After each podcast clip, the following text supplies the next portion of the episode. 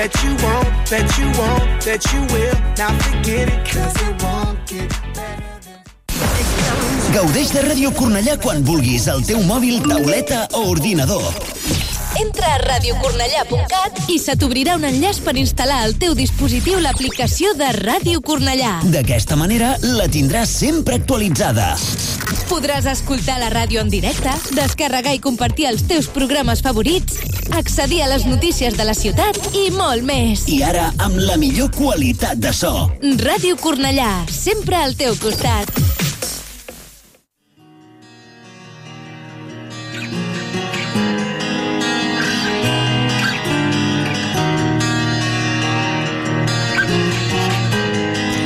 Radio Cornellá comienza el octavo día. Lo mejor del metal.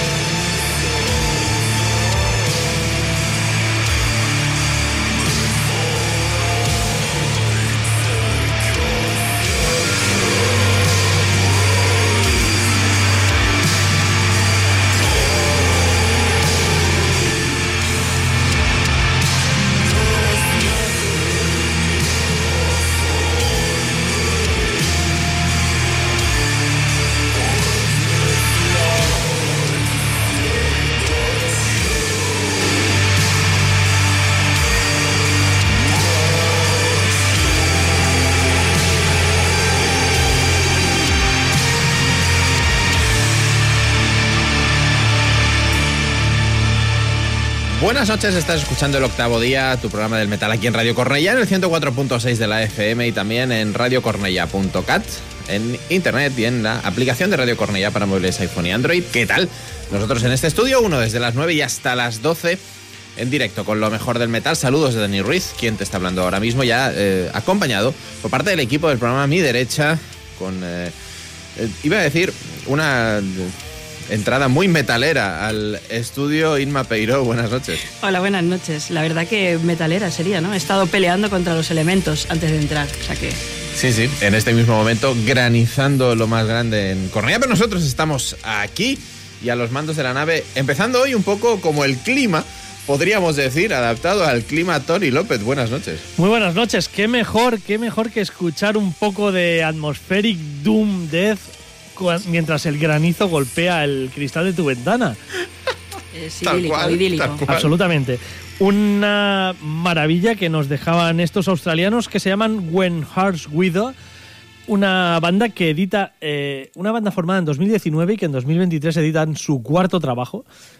No, no están, no están, no están pa' hostias. Es, de hecho, es un dúo, es eh, dos chavales que se lo montan todo en su home studio y que, y que la verdad es que, bueno, se lo montan todo en su, en su, en su estudio y que la verdad es que, bueno, la calidad es, es apostuflante. This is Where It Ends es el eh, nombre del disco que salió el día 24, hace un par de días, el pasado viernes, de esta banda australiana, como digo, un atmospheric doom que no va a ser lo predominante esta noche.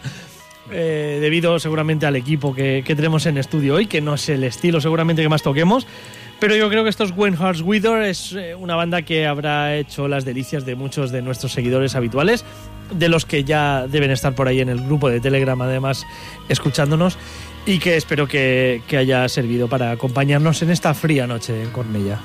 Saludos a todos y a todas las que están eh, ya en directo y que nos lo hacen saber en el chat de Telegram. Ya sabéis que podéis acceder desde nuestras redes sociales con enlace directo, con total privacidad vuestro número y que podréis estar en un canal fantástico con Metal 24-7.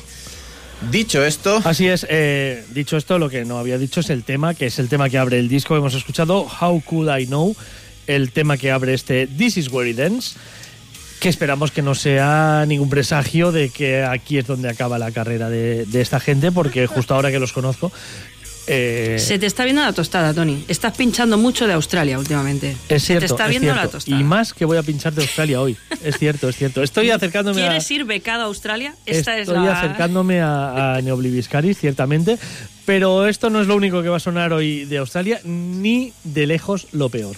Vaya. Y ahí lo Wink. dejo. Wink. How could I know? No digo que esto sea malo, la de hecho es- esto es buenísimo, es, es un gran, gran trabajo, pero vamos a ir a Australia por, por cosas mucho más desagradables. Pero eso será más tarde. correcto, ahora Irma nos trae algo que eh, no creo que se acerque al Doom. Eh, ni por asomo, vaya. Bien.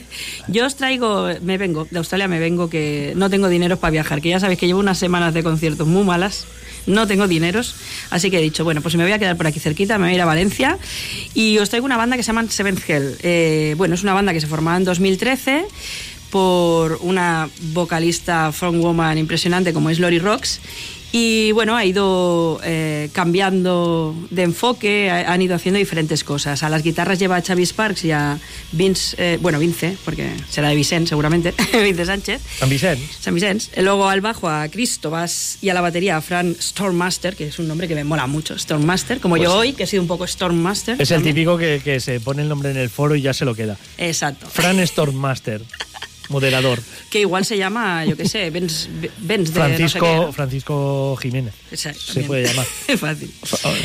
Bueno, pues en 2013 sacaron un primer single que, bueno, pues eh, gustó bastante y les llevó incluso a telonear a Crucify Bárbara. En aquel momento.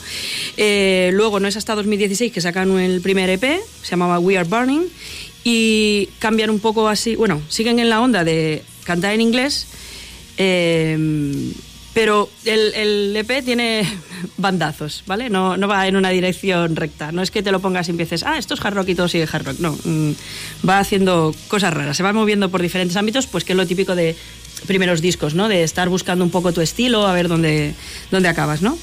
Y ya en 2019 editan el primer LP que se llama Desde el Infierno y aquí viene el tercer cambio ya brutal, que es que empiezan a cantar todas las letras en, en castellano, ¿no? Eh, las influencias, lo que más eh, vais a escuchar seguramente eh, será, oh sorpresa, Black Label Society, que yo pinche algo que suena a Black Label Society, es una gran sorpresa, nadie se había olido la tostada tampoco. Em, y luego pues también... eh, Sal de tu zona de confort, Dima. Yo hoy voy a salir quiero. muy fuerte. Yo de soy mi zona de Metal confort. Mari, no puedo. Voy a salir muy fuerte de mi zona de confort y voy a, a entrar en la tuya incluso. No me metas más metal moderno, que yo he Oh, traído mamá. metal moderno hoy. No, no, por otro, Vale. en otra zona de confort tuya. Vale, perfecto.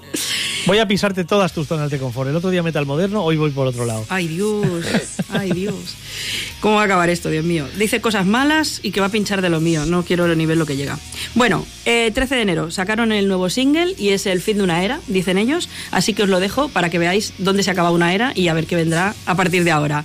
Eh, Seventh Hell y el tema Invisible.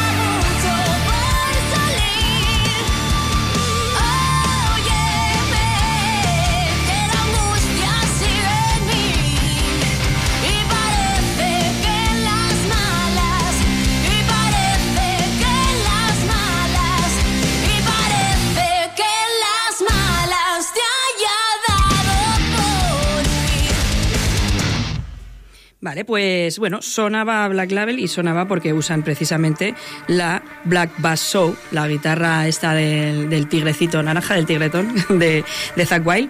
Eh, un sonido potente, como habéis podido ver, pero eh, bueno, un poco la... Ah, y además colaboraba en esta canción, que no lo he dicho, Corpa que lo conocieron cuando estuvieron haciendo de teloneros en la gira de Leo Jiménez, entonces Leo ya llevaba Corpa porque Mero Mero se había ido con Vita y Mana y bueno, y se, se emboló a grabar este tema con ellos.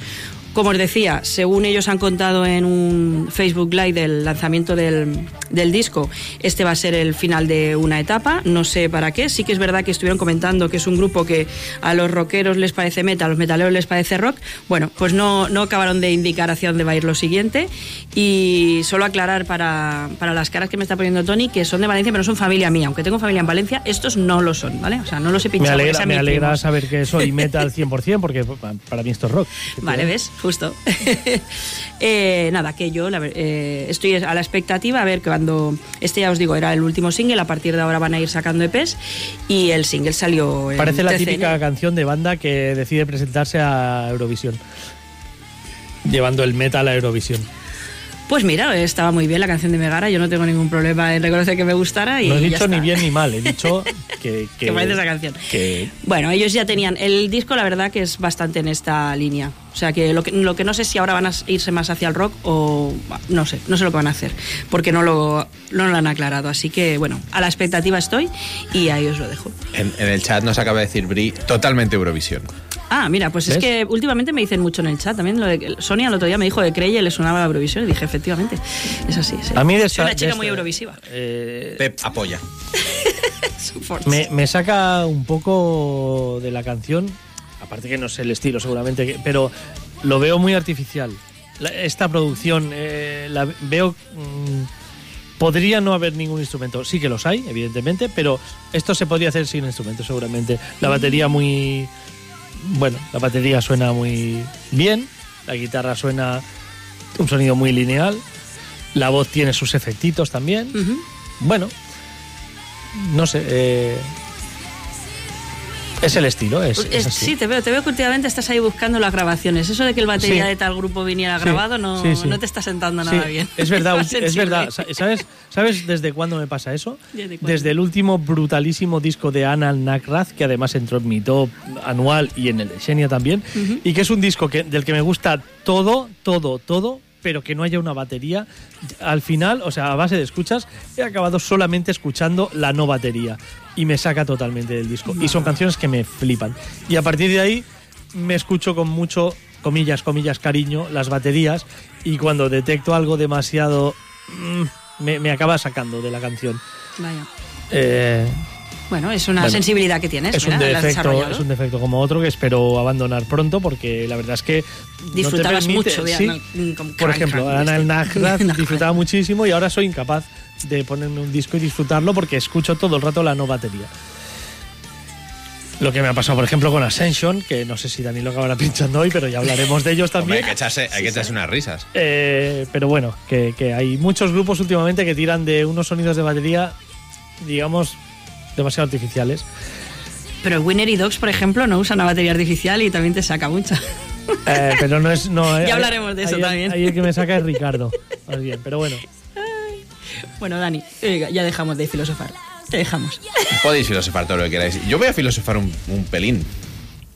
Venga. ¿por Porque vengo a recuperar un trabajo que cumple años. Ha cumplido años realmente hace dos días. Y vi una publicación en las redes sociales de la banda y dije, oh, no lo sabía. 19 años, no es que sea un número redondo, pero No te Ah. podías esperar un año a pincharlo, ¿no? no, lo Qué ansioso, Ha macho. sido- sí, sí, y con este disco realmente sí, eh, tengo ansia, vi que cumplía 19 años, eh, el que es mi disco favorito de una banda que me encanta, y es que acaba de sobrepasar la mayoría de edad. Mabul, The Story of the Three Sons of Seven, disco para mí capital de los israelíes Orphan Land, y eh, pues, conmemorando también junto a la banda. Es curioso la cantidad de discos de esa época, 2004, 2005, que tienes como discos sí. Es curioso que en tu adolescencia fue cuando casi todas las bandas sacaron sus mejores discos. Correcto, correcto, es así, es así. Es, es y a quien no le pase tiene un problema. Es indudablemente así. No sé por qué será. Eh, lo es, lo es. Es un, es un disco fantástico de inicio a fin. Me cayó las manos aquí en el octavo día, de hecho. Y eh, bueno, literal, pues, además, literal. Literal, literal, sí, sí. Me lo echaron en las manos. Literalmente. Y quedé prendado desde la primera nota. Así que, ¿para qué demorarnos más? Porque este Mabul cumple 19 años. Felicidades. Y este Mabul empezaba así.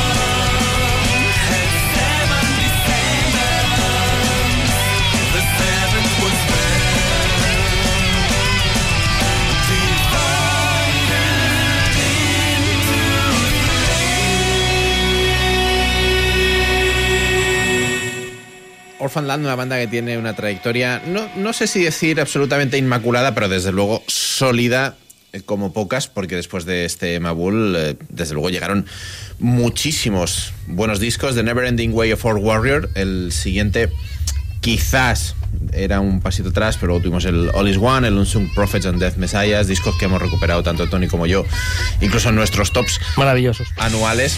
Eh, en Telegram nos apoyan con, con ese trabajo y con una banda que, mm, como les decía Pepe, en directo son todavía mejores. Yo, En directo son una locura. dos sí, veces y, vez. y- y- y- bah, siempre que, que pueda. Recuerdo un, un Rockfest, de hecho creo que el primer Rockfest. Estaba yo muy emocionado porque los anunciaron en cartel y tocaron los putos primeros. los primeros a las 3 de la tarde. Los primeros a las 3 de la tarde Y no el primer vi. día. Bueno, pero Y- son los que pueden tocar a las 3 de la tarde. El sol no les molesta. Impresionante, impresionante. Gracias. O sea, los, los más. pocos que estábamos allí se fue añadiendo gente y mucha de esa gente que entra porque es el Rockfest, pero no sé ni quién está tocando, se acabaron uniendo y fue Sí, sí. fiestón. Pues así es, este Mabul ha cumplido 19 añitos. Yo la, y- primera vez que los vi también en un backend, eh, convencí a la gente que iba conmigo, no querían venir a ver a, Orphan Land y les dije, venirse al directo. Y ya la entrada no fue buena porque vieron allí a nuestro Señor Jesucristo con Claro. la sotana Sí, blanca y me claro. dijeron, y más seguro y yo, quedarse, quedarse. Y sí, sí, ganaron fans, ganaron fans también. Total. O sea En, que- en la gira, la última prepandemia, no recuerdo exactamente. Bueno, de, de hecho creo que fue la gira del Unsung Prophets and Death Messiahs. Kobe en directo dijo, se acabó ya lo de la túnica, esto ya, Ya no lo dejó. more. Pues esto fue Ya lo Volví a vestir ya normal. el Damas Fest, ¿no? Fue, ¿Él? ¿No fue en el Damas Fest esto? Est- el Damas vinieron un poquito después, pero ya eh, aquello lo dijo antes en Sala Bóveda, en el concierto de gira, que dijo Jesucristo, look, no more. No Digo, more.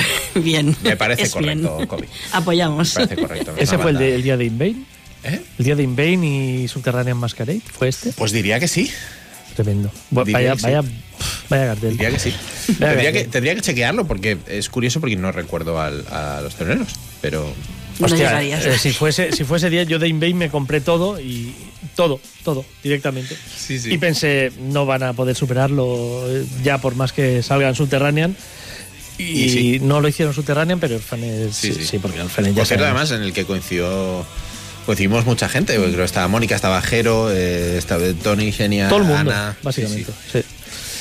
Maravilloso, maravilloso. Pero seguimos con un poquito más de metal. Pues sí, eh, tengo un montón de cosas muy discutibles, pero todavía me voy a portar bien. Estamos eh, empezando, estamos en la primera hora y voy a pinchar lo que todos queréis escuchar y es el- seguramente el- el- uno de los lanzamientos estrella de, de este mes de febrero.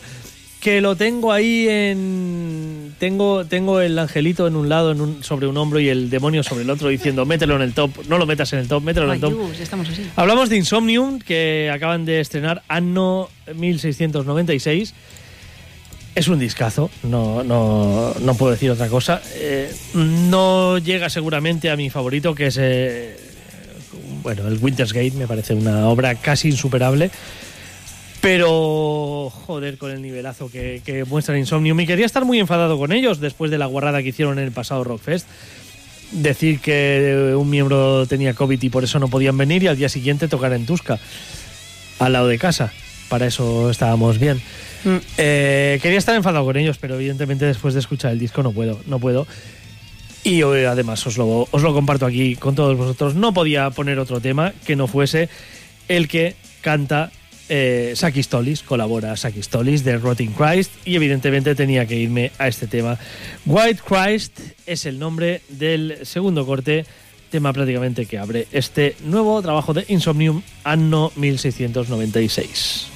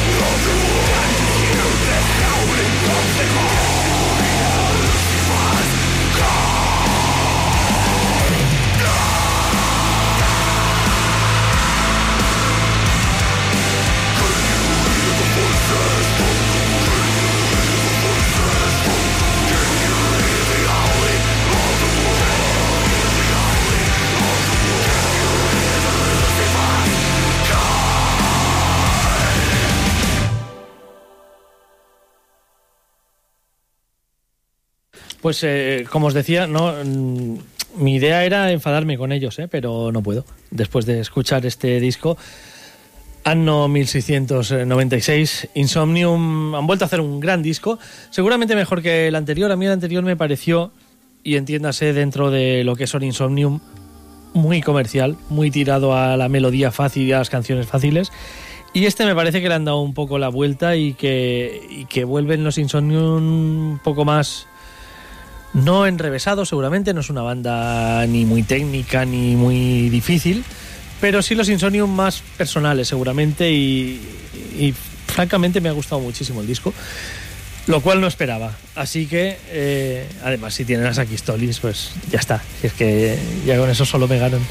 Pero un muy, muy buen trabajo de Insomnium, eh, contra todo pronóstico, eh, por mi parte al menos.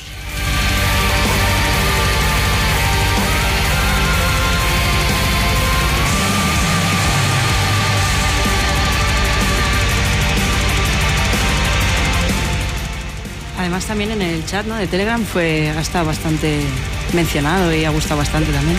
Sí, sí, es, Se, No se sé. está abrazando de vuelta. Eso. No, no, desde luego es, es- es un trabajazo, no me lo esperaba para nada. O sea que desde aquí lo recomendamos muy en serio. Muy bien, te limpiaremos la agenda de conciertos para que tengas más tiempo para escucharlo. Perfecto. Bueno, pues yo... Estoy muy mal, en marzo estoy muy mal. Con esto de trabajar los fines es una mierda porque solo me quedan cosas entre semana Hmm. y en marzo que yo haya visto Sí, no hay tanto. Claro. Estoy planteándome ir a Creator, imagínate, a Creator. a Creator. ¿Pero vas por Creator o...? Bueno, sí, eso es, Por la lo único que me motiva, la verdad, de ese concierto. Dilo, que vas por sean, la Moscot, tío, que sean Rap Tony. 1 y que toque Municipal Quítate Waste, la además. máscara, Tony, vas por la Moscot. Es que, es que no creo que vaya, no creo que vaya. La necesidad, lo que hace la necesidad. Ya ves. Bueno, pues yo me voy a otro lado, venga. Nos vamos de la oscuridad más profunda del frío invierno al solecito. De, de pues no, iba a decir de Canadá, porque Harry Hess es de Canadá, tampoco sol. Bueno, debe hacer sol en Canadá también en algún momento. Tampoco. El 17 de febrero salía el nuevo trabajo de First Signal, que si no me equivoco debe ser como el quinto ya por lo menos, y, y un proyecto que empezó pues eh, como eh, el trabajo de Harry Hess durante un periodo de descanso que se tomó Harem Skarem, pues se ha convertido la verdad que en un grupo que ya tiene una entidad y que tiene un sonido propio. Al principio sí que imitaban más a Harem Skarem, era- como esa continuidad, darle esa continuidad cuando no se sabía qué iba a pasar con el grupo, pero la verdad que ahora ya, ya han tomado una entidad y claro, si a Harry pues lo acompañas de Dennis Ward, que yo creo que para mí febrero ha sido el mes de Dennis Ward, porque ha salido disco de Quimera, disco de First Signal, Quimera es el proyecto de Dennis Ward, ¿no?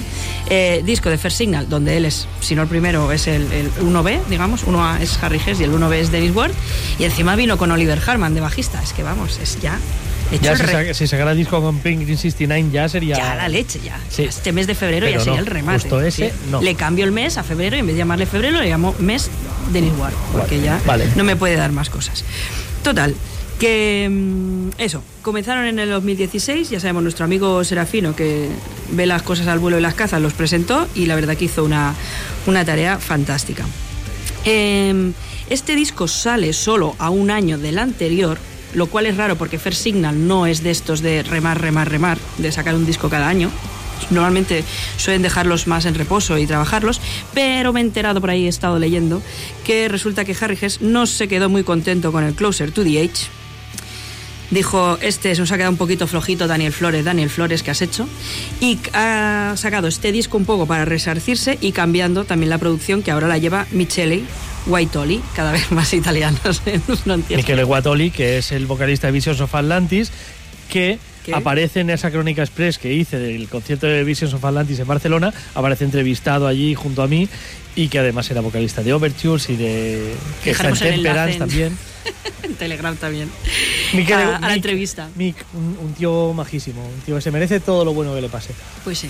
Sí. Pues este trabajo lo ha hecho muy bien. Le han dado la producción de, de ese trabajo. Yo creo que a Harry le ha gustado, pero a mí me ha gustado más porque el sonido en las voces, eh, la batería con, los, con el bajo, todo está súper equilibrado. La verdad es que Pues de verdad la batería. Eh, Sobre todo. dejaré que lo que lo, lo juzgues tú, porque yo no tengo el oído tan fino en este momento. Em, y bueno, a pesar de que ha habido hay temas que me gustan mucho, como Situation Critical o Shoot the Ballet, que había sido el single, eh, he optado por pincharos el Face Your Fears, que es un poco el tema más contundente del disco, para que dejemos de hablar ya de Aor con Esto First es el Signal. octavo día, esto es Fuck the Singles. Venga, fuck the singles. Eh, First Signal y el tema Face Your Fears.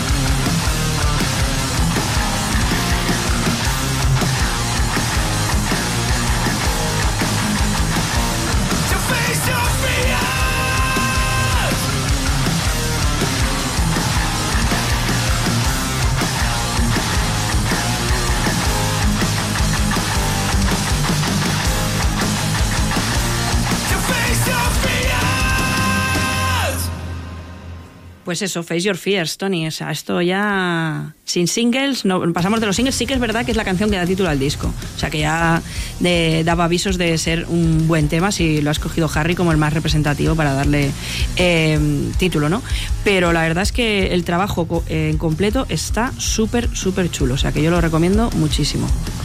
Y lo comentábamos ahora, Cerraro, que, que cómo se echa de menos a Harry Hess, eh, a Harem Scalem. Y, y qué bien estaría hacer una gira de 30 aniversario de Mood Swings, tocándolo entero. que Exacto. ahí lo dejamos. No lo dejamos No ahí. lo vamos a dejar ahí, a ¿no? bombardear a Harry Hess. Vamos a hacer una campaña Hasta- a Harry Hess que para que, haga caso. haga el aniversario, el 30 Uno de mis discos favoritos de la historia de hard rock, Mood Swings de Harem Scarem. Es que una elegancia, una finura, es que es tremendo. Espectacular. Es tremendo. Sí, señor.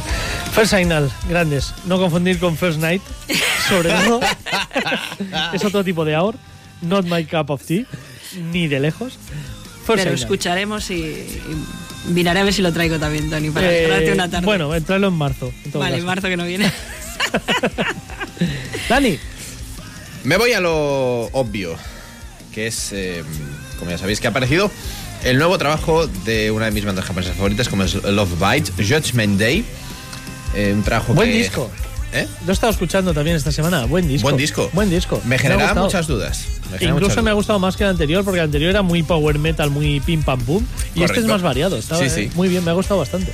En 2020 sacan el tercer álbum, Love Bites, eh, para mí uno de los mejores álbumes del heavy power eh, japonés ever.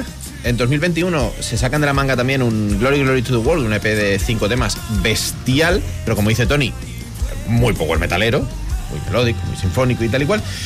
Y entonces mi hijo, batería, eh, creadora de la banda, compositora principal, se centra en The Strokes, dice hasta luego.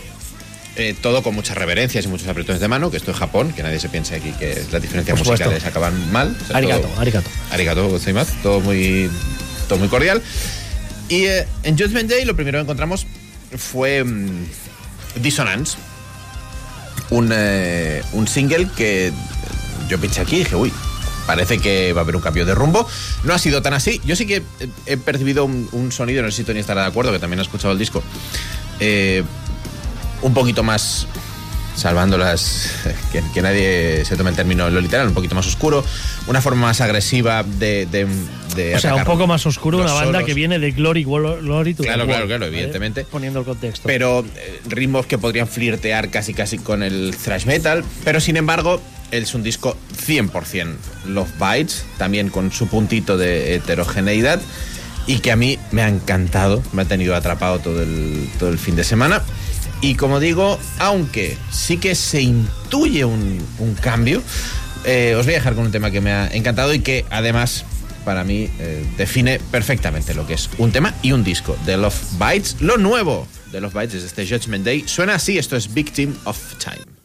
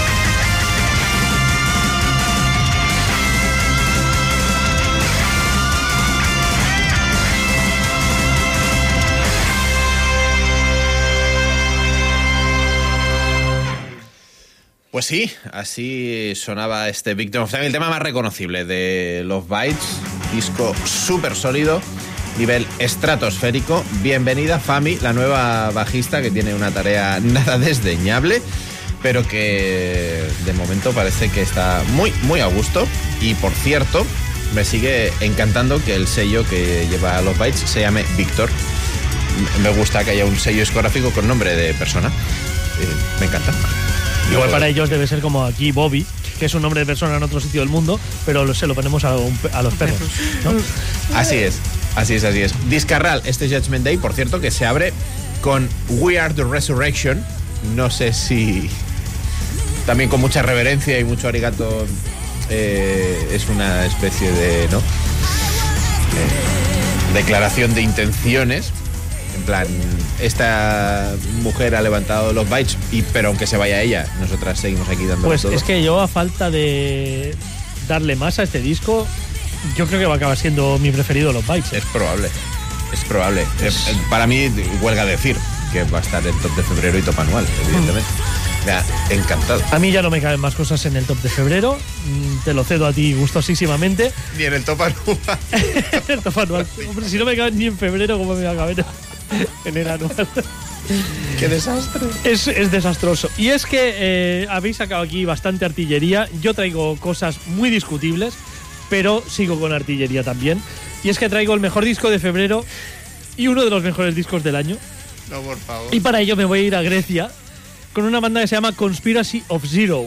Un disco que tenía que salir originalmente a finales de enero, pero que se retrasó su edición al 3 de febrero. Y ahí es cuando salía un disco que además se ha editado en 100 copias en Digipack, limitadísimas. Eh, en su banca no sé si podéis conseguir aún alguna, porque decía que estaba agotado, les escribí. Total, que al final he conseguido unas cuantas. Amenazante. En todo caso, sí que lo podéis escuchar en las distintas plataformas y, como no, aquí en el octavo día. Enseguida, se trata de, como digo, la banda Conspiracy of Zero, una banda griega, y es que en Grecia no solamente se hace power metal, no solamente se hace heavy metal épico, también se hace, eh, pues este estilo, que es un estilo, eh, bueno, entraríamos en etiquetas y demás. Os voy a decir bandas. Os voy a- melódico, que nos gusta mucho. Os voy a hablar de Barren Earth, os puedo hablar de Opeth, os puedo hablar de Wilderon. En ese, nos movemos en ese, en ese ámbito. Una banda que navega por el progresivo, pero que se tira hacia el death, como se tira hacia una música bastante más melódica. Por, sí, es death y es melódico, pero no a la vez. Proc death melódico. Imagínate. Conspiracy of Zero, insisto, un disco que me eh, tiene absolutamente absorto, que se titula Athos Arousis. Arouris, mm, perdón por mi pronunciación, ni puñetera idea de qué quiere decir ni de cómo se pronuncia. El disco tiene algún single que es maravilloso, pero como aquí no somos un programa de poner singles, a mí el tema que ahora mismo me atrapa más es el que no es el que da título, sino la parte 2 del tema título, ya que la parte 1 es un instrumental de 5 minutos glorioso y la parte 2 es este temazo que se llama Athos Arouris, como digo. Ellos son Conspiracy of Zero y para mí, sin duda alguna, os lo iba a guardar para el vídeo del top de febrero, pero no, me lo estoy haciendo encima y os lo tengo que poner ya. Esto es Conspiracy of Zero.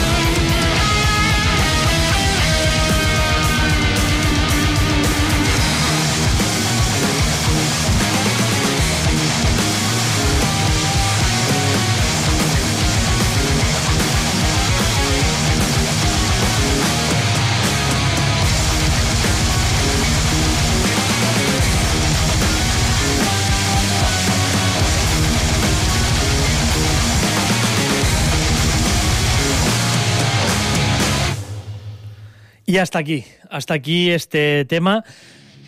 Impresionante, como impresionante es todo el disco Conspiracy of Zero, como os digo, este, este Atos Aruris, eh, para mí, eh, sin duda alguna, disco de febrero y bueno, va a llegar casi seguro al top anual. Muy buenos tienen que ser otros 10 discos para, para mover a este de- del top de 2023. Me ha encantado, es una, una banda griega que...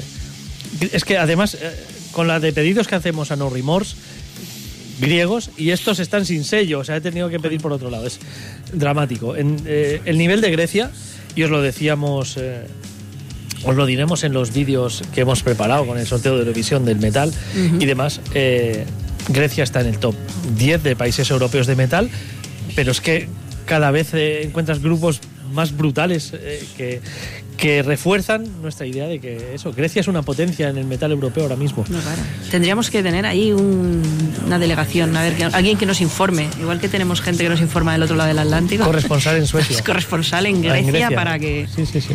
nos mande mierda de Pues no, no descarto trasladarme. Ah, bueno, bueno.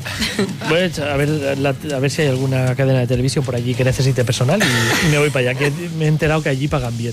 Ah, pues será en la tele, porque todo lo demás, no hay crisis. No, no. Pues sí, Conspiracy of Zero. eh, yo estoy atrapadísimo por este trabajo. ¿Qué queréis que os diga? Ha sonado muy bien, la verdad. Ha sonado fantásticamente bien. Yo, de momento, me lo pongo en la lista para escucharlo. Eh, a mí me gustaría escuchar otra vez, sobre todo teniendo en cuenta porque que sé lo que va a pinchar Irma ahora. Bien. Señoras y señores, es que yo me supo muy mal la semana pasada que Tony tuviera que embarrarse y pinchar metal moderno. Y digo, tranquilo, Tony, que aquí he venido yo para pincharte moderneces para que no tengas que sufrir esa travesía por el desierto. Y es que no tenía bastante con que me diera el granizo al entrar en la radio, que ahora voy a recibir los palos que me van a dar aquí, porque os traigo eh, la edición especial que ha sacado eh, Korn de su directo que hicieron en la, a ver si lo sé decir bien, mm, Hollywood United Methodist Church en Los Ángeles, California. Y es que el año pasado, eh, no sé si lo comenté por, estuvimos comentando por Telegram o en el programa, no me acuerdo, pero eh, Korn sacó un disco en el cual se incluían muchos temas que tenían que ver con el cómo había procesado la muerte de su mujer, el, el cantante de la banda, Jonathan Davis, ¿no?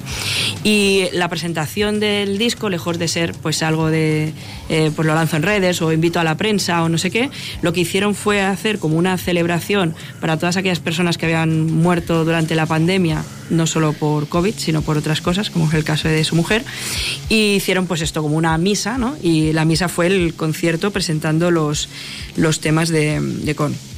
No debemos olvidar que es una banda que ya lleva 30 años, que parece una bobería, pero bueno, eh, eran uno de los primeros que salieron con el nu metal y ya llevan 30 años, pues eh, cavando, ¿no? En la zanja del, del metal. Mira, nunca mejor dicho, cavando también la. en fin. Em, vale, pues de aquella misa nu metalera os quiero rescatar eh, el tema que se llama Lost in the Gradure.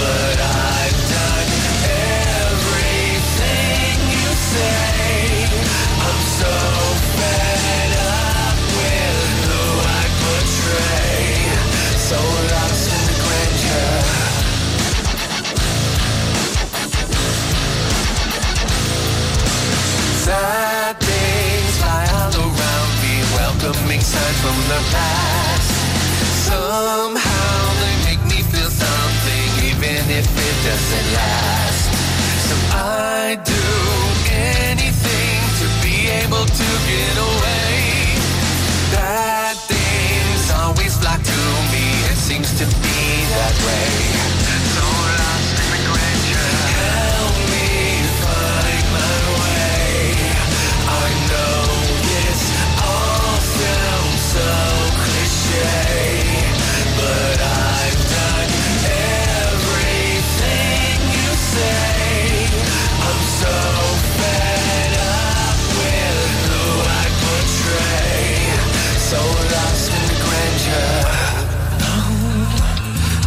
that sound. It's constant and profound. What's it gonna do today? What kind of joy will it steal away? Oh no, man, I'm going down.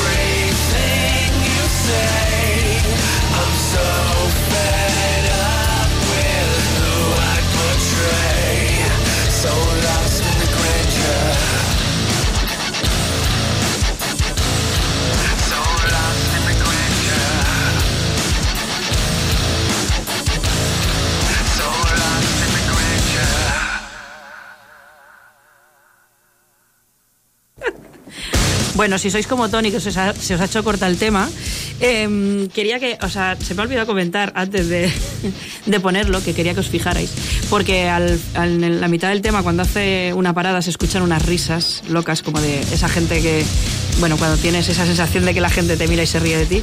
Y la verdad que es un momento muy, si veis el directo, es un momento muy apabullante, porque estás ahí y las risas están hechas en directo, no grabadas, Tony. La batería no puedo certificar al 100%, pero las risas no son grabadas. Tengo un gran recuerdo en directo de Korn.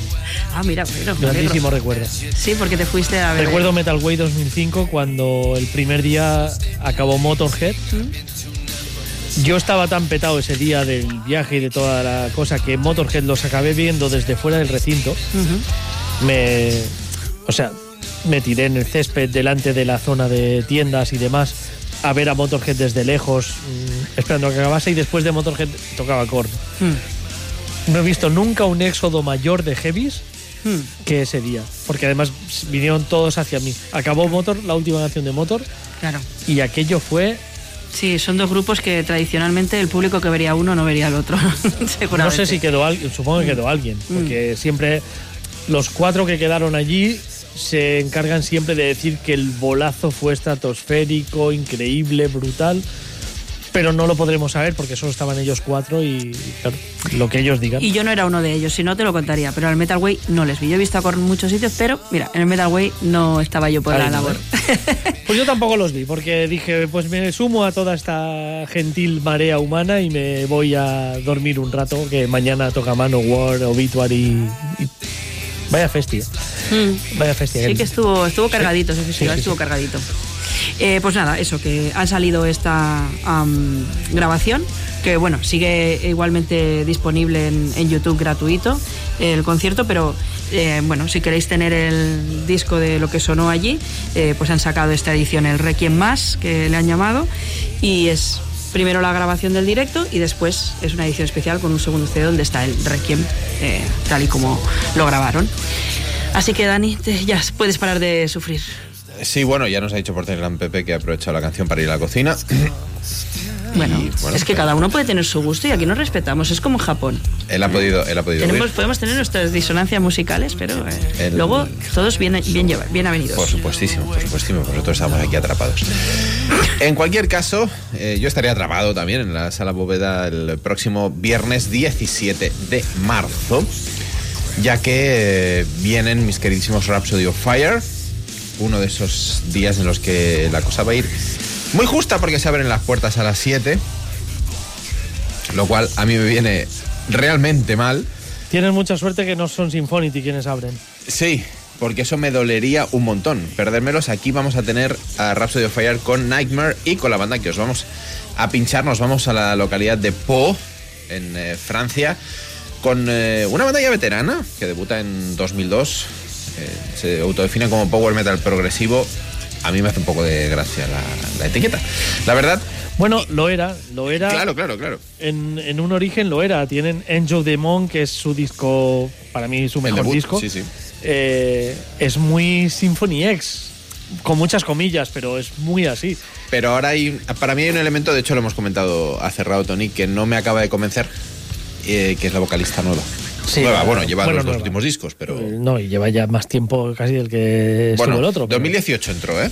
¿Sí? Sí, lleva el de Machine Nation y este, que es de Shadows Bueno, Ball. claro, porque yo la vi teloneando a, a los mismos Rhapsody of Fire, fue, que ella vino aquí. Y luego los vi al año siguiente en el, en el festival este de Toulouse, donde tocaron Tresol y Eldritch y demás, también habrían Manigans. O sea, los vi dos veces muy seguidas y por eso tengo la impresión de que esta señora lleva ya, porque ya la he visto, Sí, sí. de no verlos nunca, a verlos dos veces muy seguidas con ella. Pues no, no, no, no lleva, no lleva tanto tiempo, hablamos de Karim Pinto. Sí. Eh, el caso es que, como decía, hace un par de días han editado su nuevo trabajo de Shadows Ball y os lo traemos aquí con eh, un tema que, bueno, eh, no está mal. Yo reconozco que es un disco, ¿por qué no decirlo? Y lo voy a decir antes de pinchar el tema por si alguien también quiere aprovechar para ir a la cocina. Eh, me ha aburrido moderadamente. Entramos en una, mucho, en, una, en una etapa de octavo día durilla, ¿eh? Sí, Eh, pero bueno. En cualquier caso, y por desgracia, como decía Tony, eh, quien abrirá para Rhapsody of Fire aquí, en España y en Barcelona, en Sala Bóveda, serán Marigans y suponemos que sonarán así.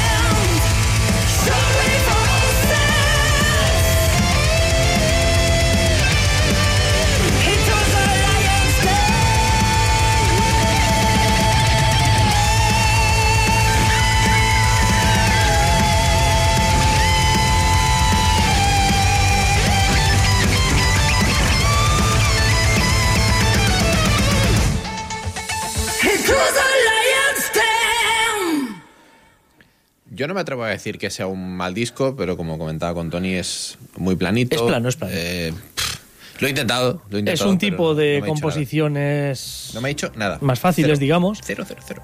Las dos veces que los he visto muy seguidas, además, no tocaron en Mon Nom, que era el tema que habría en Judimon, tema emblemático de la banda con la que acababan siempre los conciertos.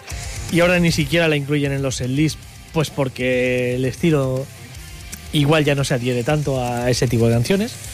Más prog power. Sí es más, bueno, pues este, este estilo más power y más plano. Seguramente por una voz más plana. Y por unas composiciones creo que tampoco buscan más allá del pim pam pum. Sí, así es. Pues veremos a Manigans y después veremos a Nightmare, los eh, franceses. Not, not to be confused con las otras 16 bandas llamadas Nightmare, eh, que hacen un montón de estilos. Eh, una semanita antes del concierto tendremos horarios definitivos. Veremos a qué hora sale Rhapsody of Fire. Correré mucho para llegar a tiempo porque imagino que si las puertas se abren a las 7, igual Marigan salen 7 y media. Al ser Madness recibirás un mail Sí. con los horarios definitivos y Correcto. tendrás. Pero bueno, yo creo que sí, deben ser 7 y media, 8, 8 y media, Ponle a las nueve y cuarto. 9 y cuarto. Rhapsody Bueno, Fire. sí, yo creo Más que llegaré justito, pero estaremos Nueve ahí y cuarto, viendo. hora y media de set, Sí, básicamente. sí, sí. Estaremos ahí viendo Rhapsody of Fire. Qué suerte. En este tour Glory for Salvation y os lo contaremos. No veré a Manigans, una pena. A Nightmare, no, tampoco. Vaya. Pero bueno. 27,50, módico precio, taquilla 30 euritos. Bien. Lo que hay. es lo que y hay. amigas, Eh, vamos a abrir un micro debate porque ya que habéis empezado a poner cosas de dudosa procedencia, voy a ¿Cómo poner yo dudosa preferencia, tío? 30 años de carrera. voy no a poner yo una cosa de que cada vez es más dudosa y es una banda que me encanta, que me encantó en- cuando aparecieron, pero que cada vez se va alejando más seguramente de la zona de confort del octavo día y va explorando terrenos, voy a decirlo claramente, poperos. Estoy hablando de Act, la banda sueca que con Today's Report eh, a mí me fascinó. Eh, con Imaginary Friends más todavía. Last Epic era un discazo, luego vino Silence. Y a partir de ahí han empezado a experimentar. Ahora, bueno, en la última época se dedican a sacar EPs. Y lo último, lo próximo va a ser Falling. Sale el 3 de marzo, del próximo 3 de marzo, la próxima semana. Es un EP también, aunque son ocho cortes, pero hay una intro y un outro, por lo tanto podemos dejarlo en seis canciones. Y ya tenemos el primer adelanto, que es One Last Goodbye. Es una canción, como digo, que yo la veo muy limítrofe porque, de hecho, no os asustéis con el comienzo, pero el comienzo es una canción pop, lo que pasa. Oh. Sí, sí, totalmente pop, lo que pasa que llega un estribillo que es más metalero y luego la canción, bueno, pues más o menos eh, evoluciona hacia terrenos más de metal progresivo. Pero podemos estar ante un grupo de, de pop progresivo directamente. Abriendo un nuevo melón. Eh, bueno, yo, yo abro el melón, lo dejo ahí, os lo pongo y vosotros decidís. El comienzo, desde luego, no puede ser más popero. Pero bueno, tranquilos allá. que se arregla. Esto es Act, esto es One Last Goodbye.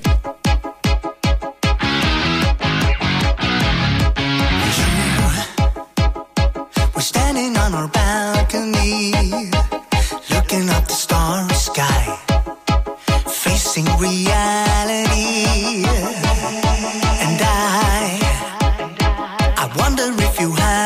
You bubble with excitement. Did I have the right to fool you?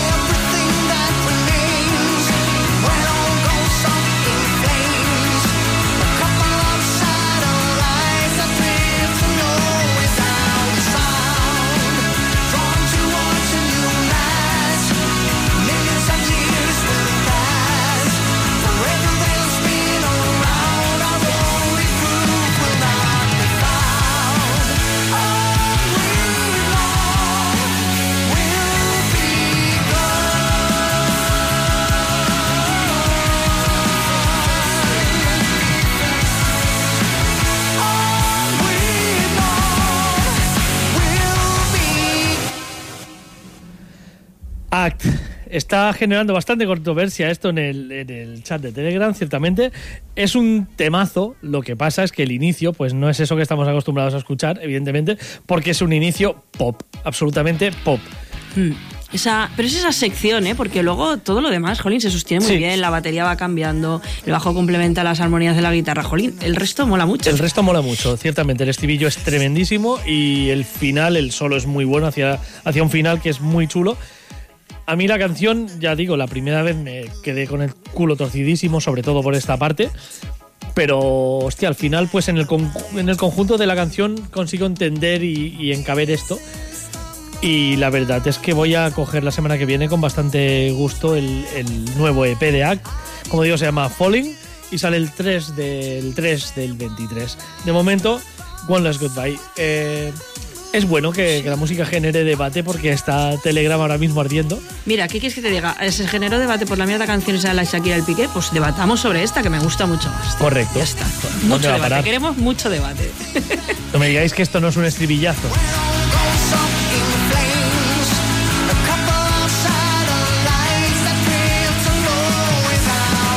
Quien tenga curiosidad y no conozca la banda, les recomiendo que tire para atrás y que se escuche Today Report y sobre todo, sobre todo Imaginary Friends, que son discos impresionantes y donde hay- incluso creo que inauguraron un estilo eh, que siguieron muy pocas bandas, entre ellos Perfect Smile aquí en, en España. Sí, señor. Un estilo de, de un prog más desenfadado, sin hacerle ascos absolutamente a nada y, y con muchísima melodía, que es sobre todo la- el signo distintivo de, de estos suecos, como no, malditos suecos. Pues sí, sí, queremos gente opinionada, pero justifique su respuesta, por favor. Así es. Nosotros aceptamos todas las opiniones, pero sin faltar ir justificando la A todos respuesta. aquellos que no les haya gustado el tema, les aseguro que les va a gustar en comparación a alguna otra cosa que voy a traer después. Como yo amenazo. Bueno, pues yo cambio de tercio. eh, voy a algo menos sesudo que lo que nos ha puesto Tony, que requiere ya más capacidades interpretativas y de estar escuchando con atención la melodía. Y es que eh, se ha destapado un nuevo proyecto de la vocalista Elana Justin, em, que es una cantante y frontwoman también reconocida, eh, que se mudó a Nueva York y hizo buenas migas con un señor que se llama Nick Rowe, nada más y nada menos que el de Blood Simple y Vampire Weekend. Y han sacado un álbum debut el 10 de febrero con FM Records, que bueno, tiene potencia, tiene agresividad, es metal. Em, las influencias de Elana o con la que la... Bueno, las influencias voy a decir, no voy a decir con qué la comparo yo, pero sus influencias eh, pues son variadas, entre Joan Jett, Alanis Morissette o Chris Cornell, que esto es una influencia para muchísima gente, no hace falta que, que te guste cierto estilo. Y en cuanto a sonido y actitud, yo creo que buscan más un rollito Halestorm, ¿eh? es un poquito más en, en esa onda. Y se puede ver, pues la mezcla de todas estas influencias se puede ver en el trabajo. Eh, la idea de Lana es que la, esto que ha empezado como un proyecto se acabe convirtiendo en una banda y llevarlo a directo. Lo que pasa que yo no sé si Nick se subirá al carro porque tiene muchas, eh, muchas ocupaciones, muchas responsabilidades. Y luego quiénes pueden ser los integrantes de la banda, ¿no? Que nos puede pasar un, un Chess de nuevo y ver ahí pues un grupo que se tiene que empezar a moldar, a hacerse con unos temas que no ha tocado. Y bueno, es un poco más difícil eh, reclutar mercenarios, digamos en este caso, que acaben convirtiendo en una banda, que no partir desde tu eh, local de ensayo con una banda en sí, ¿no? Bueno, yo cruzo los dedos para que se conviertan en banda sólida y que se vengan a girar, porque la verdad que el álbum me ha gustado mucho. Y eh, después de pinchar el tema, os voy a comentar por qué he pinchado Motive Black en este momento. Así que os dejo con Motive Black y el tema Cellophane.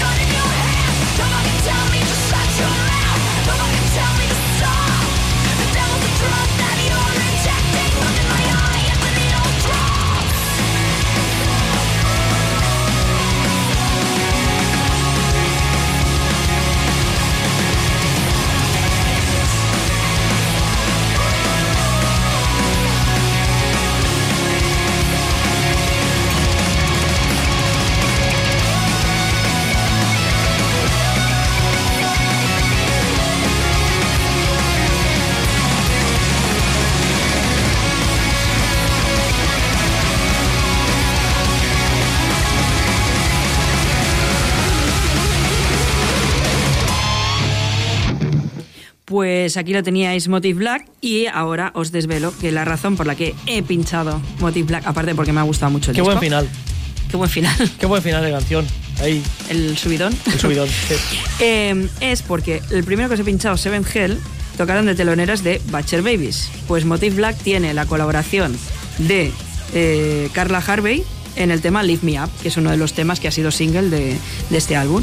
Y también lo uno, ¿por qué he pinchado Korn? Porque el batería de este trabajo, el que ha grabado las baterías, es el batería de Korn. Eh, no, confundir con la máquina que dice Tony, que tiene los grupos a la batería. En este caso, Ray Lucier. Eh, nada, a mí me ha gustado mucho, la verdad que tiene, tiene ritmo el álbum, tiene eso, lo que os decía, ¿eh? actitud y sonido muy Halestorm, pero bueno, todavía, todavía es la hermana pequeña, ¿eh? o sea, que, tampoco no es Lizzie Hale, pero creo que va bien encaminado y yo la verdad que tengo ganas de verles si vienen a presentar el disco en directo y ver qué banda podrían presentar, que no lo sé. Nos están diciendo en el chat que no tan mal el tema para quinceañeros llenos de drogas. Sí. Ah, bueno, pues nada, pues ahora soy una quinceañera llena de drogas, qué guay, como molo, tío. Voy rejuveneciendo o envejeciendo según el día. Ya Bueno. dimos nuestra opinión sobre las drogas el pasado programa. Exacto, cortisona. No, no hace Ven a mí. No hace falta. Relájense, vuelvan todos, siéntense y todas, porque nos trasladamos a Coruña, a Galicia, para presentar lo nuevo y espero que no sea una metedura de pata, porque yo lo estoy anunciando aquí como algo estupendo. Igual es cierto que es esta mierda, espero que no. Espero que no. Eh, lo nuevo, que también acaba de salir hace dos días, 24 de febrero, de Dark Embrace, titulado Dark Heavy Metal. Y es que me parece además un nombre realmente acertado. Bien, no bien. me voy a tirar el rollo, no soy seguidor de la banda. Una banda editada por Massacre Records. Eh, solo voy a decir que por las caras de Tony me alegro de no ser seguidor. Bueno, la no, los, los vi teloneando a alguien. Alguien tampoco lo sigo. Es que no me, no me acuerdo a quién teloneaban, pero los vi teloneando a alguien. A mí Never Seen the Sun me gustó mucho el single. Ahí lo dejo. Si vas a poner esa, esa me gustó Eh, La mucho. verdad es que no. Vale, pues veré la próxima, porque yo el disco entero no me lo he escuchado, pero el single de Never Seen the Sun me encantó. Bueno, pues vamos a ver Y si diré que es death melódico, solo para chinchar a Tony. Esto es death melódico. A ver, es que claro, con esto hay un tema, porque mm, ahora mismo la propia banda se autodefine como eh, eso. eh, dark heavy metal. Dark Heavy Metal. Sí. Bien. Dark Sí, heavy- sí. Mucho mejor que Death Melódico para Tony, seguramente. Dark Heavy Metal te cuela bien, Tony, ¿te encuadra? ¿Es un estilo que podría ser? Dark Sí, Heavy Metal. sí, sí, sí, claro. Por A mí me lo ha parecido. Por supuesto. Podría ser esto y Black Sabbath, también te lo digo, que Black Claro. Sabbath también es No, Dark da- Heavy Metal. No, no, porque no, no lo considero heavy metal a Black Sabbath ¡Oh! como tal. Bueno, Vamos Black a dejar ahí el Tiene tema. tantas etapas, hay etapas más heavy, Ya, sí que como la de. Dio, y hay etapas más, Más heavy como la de Tony Martin. más hard, incluso como las de Tony Martin. Bueno, eh, está viendo opiniones ya dispares directamente en, en el chat de Telegram. No sé si quien escribe ha puesto Telonearon a Ros de Vos, dice Pepe en Sí, sí. Telegram. y adjunta soporíferos. Eh, desconozco si Pepe ha escuchado el, eh, la nueva propuesta de Dark Embrace. Empieza de esta manera, precisamente con Dark Heavy Metal.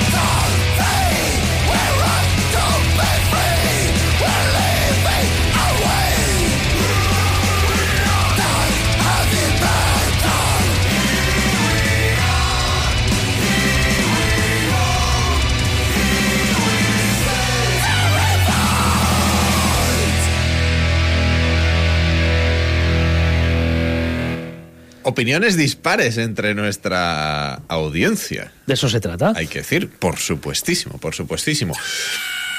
El disco no me ha parecido nada mal, pero estoy leyendo mucho y según he hablado aquí con Tony también, que Estás por lo leyendo visto- mucho hate.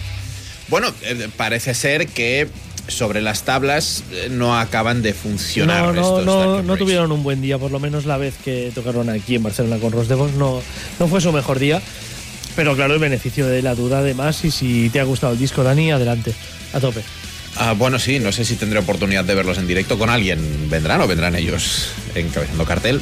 Eh, me ha gustado el disco. Eh, no me quiero tampoco aventurar a decir que me iría a verlos como cabezas de cartel, eh, que nadie se lleve a engaño, pero bueno, me parece una propuesta interesante que se sale, ¿no? Hablábamos antes de las zonas de confort, que se sale desde luego de lo que vengo escuchando estas semanas y que, que me ha traído. Con todo lo que habéis dicho, me da cosilla rescatar su discografía anterior, la verdad. No sé, rescata, no tengo tú, datos. tú rescata. Bueno, hay mucha cosa que ha salido este febrero. Me vuelvo a Suecia y Malditos suecos. vuelvo a algo controvertido. No, no como act, no en ese, en ese sentido, sino porque, como decía al comienzo del programa, voy a pisotear terreno de Inma. ¡No! Esta banda se llama Mold, de ellos conozco muy poco, M-O-L-D. Eh, conozco que me han hecho llegar un single de un trabajo que aparece el próximo 31 de marzo, o sea que todavía nos queda un mes hasta que aparezca este Abandon All. Y el single se llama Swam Comes Alive. ¿A qué suena esto? Esto, señores, señoras, personas en general, esto es Black Sabbath. Mold Swam Comes Alive.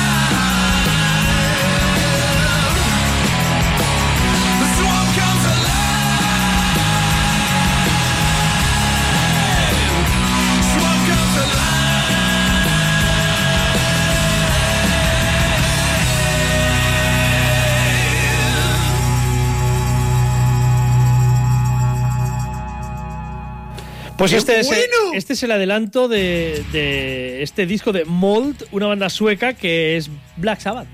No, no tengo pantalla. Si tuviera pantalla estaría tirando billetes. Tirando ahora. billetes contra O la sea, pantalla. Qué bueno, qué bueno. Es Black Sabbath, pero además súper setentero. Muy setentero, sí, tiene, tiene ese aire y ese feeling. Es, Mm. es, bueno, como decíamos antes de Grecia, que encuentras todo tipo de música.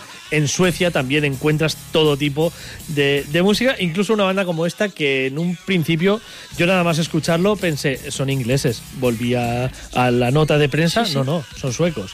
Pues esto va a ir ya a mi lista de suecos maravillosos, porque es que me ha encantado. Pues eh, ¿Cuánto Mold, sale el disco, has como digo, o M-O-L-D, eh, Abandon All, el disco que sale el 31 de marzo.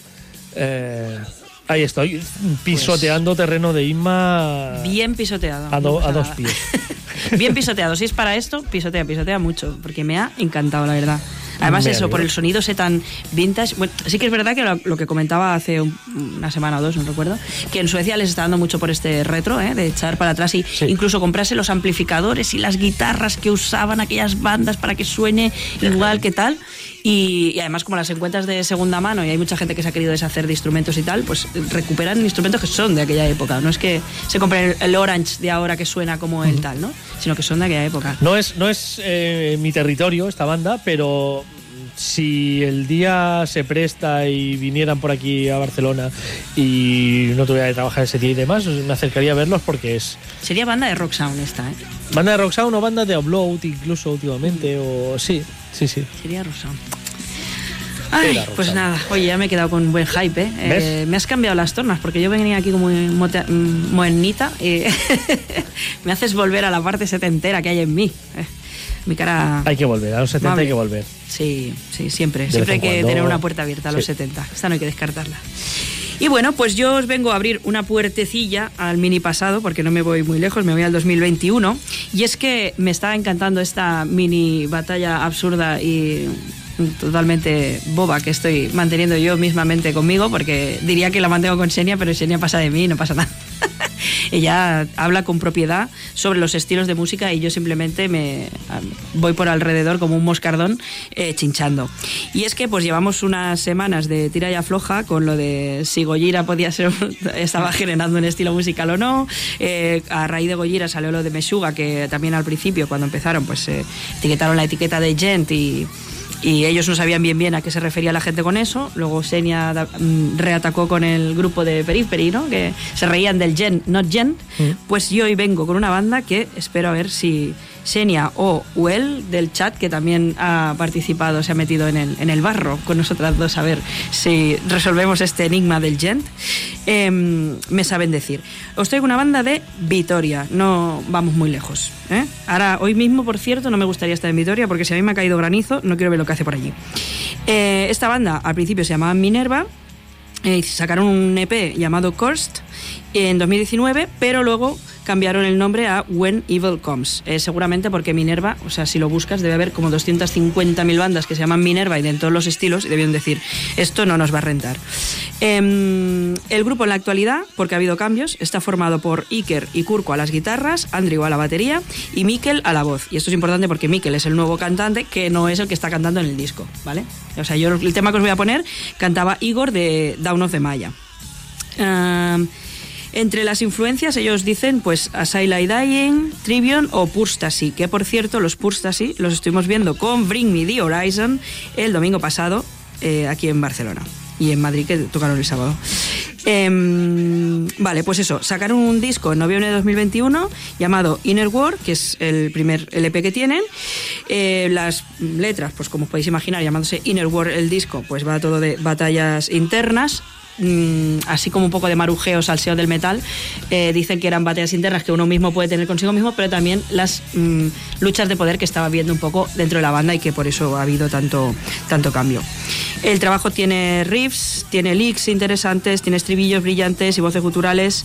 El bajo y la batería van eh, marcando el ritmo mucho, pero la razón por la que la traigo es para ver si es Gen, not Gen o whatever it is. Entonces os voy a pinchar el tema de When Evil Comes, llamado, como yo mismamente, Immaculate.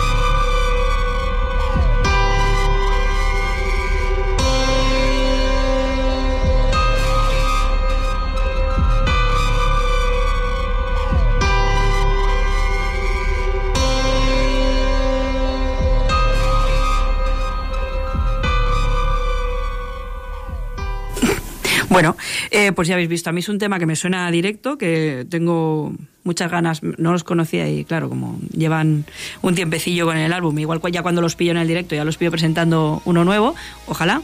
Pero bueno, ahí dejaba yo hoy mi, mi cuñita de Gen Not Gen, a ver si esto es o no es, que yo estoy un poco perdida. Y lo que sí que es es un metal muy chulo y que tengo muchas ganas de escuchar y, y hacer poco y lo que haga falta con esto en el directo, vamos, tengo clarísimo. Y con este, nada, paso ya a ver al siguiente de mis compis. Bueno, como nos vamos, eh, vamos ya acercando al final. Me voy directamente al eh, Metal Samurai, porque lo de los bytes es novedad, no cuenta, para eh, traeros una banda. Sabéis que siempre intentamos ahí descubrir una, unas cuantas bandas que se salgan un poquito de lo, de lo normal. La última vez fue Steel Emblem para regocijo de, to- de Tony. Hoy nos vamos a ir también al neoclásico, pero desde un punto de vista un poquito diferente. De hecho, nos vamos con una one man band eh, perpetrada por eh, Junya Higuchi, chaval jovenzuelo, ya menos, 29 añitos. Pero bueno. Sí, sí, todavía sigue siendo un chavalito que mezcla todo lo que le ha podido gustar seguramente del metal europeo de los 20 últimos años. Adiós. Sí, para tener una. Bueno, no sé si decir fusión, porque realmente no es una fusión, es algo que. Esto lo comentaba con Mark Gutiérrez también, cuando presenté el, el disco debut de Allegiance Rain. Es algo que suena realmente muy bien. El tipo tiene un, un dominio genial eh, en, en todo lo que hace, pero quizá para los que llevamos mucho tiempo escuchando metal aquí en Europa, es menos sorprendente de lo que se pueden encontrar en Japón. Me voy a ir al eh, último LP editado el año pasado, 2022, de Zemeth, que así se llama el proyecto Loneliness. Y me voy a quedar con el tema número 5, no porque sea mi favorito, es un tema que me gusta mucho. Mi favorito es Vermilion Farewell, pero tiene un nombre en castellano, lo cual me ha hecho mucha gracia. Así que Zemeth, desde la región de Hokkaido, esto es Flor de Nieve.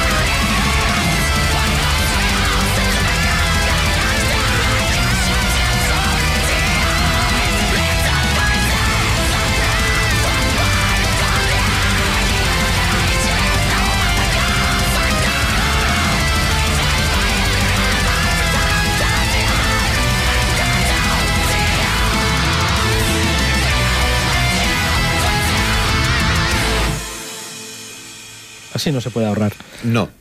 Eh, no sé si es que les echan algo eh, en el agua en Japón o qué, pero me parece absolutamente superlativo lo que puede hacer este muchacho. Es brutal. Decía que a lo mejor a nosotros nos parece tan sorprendente.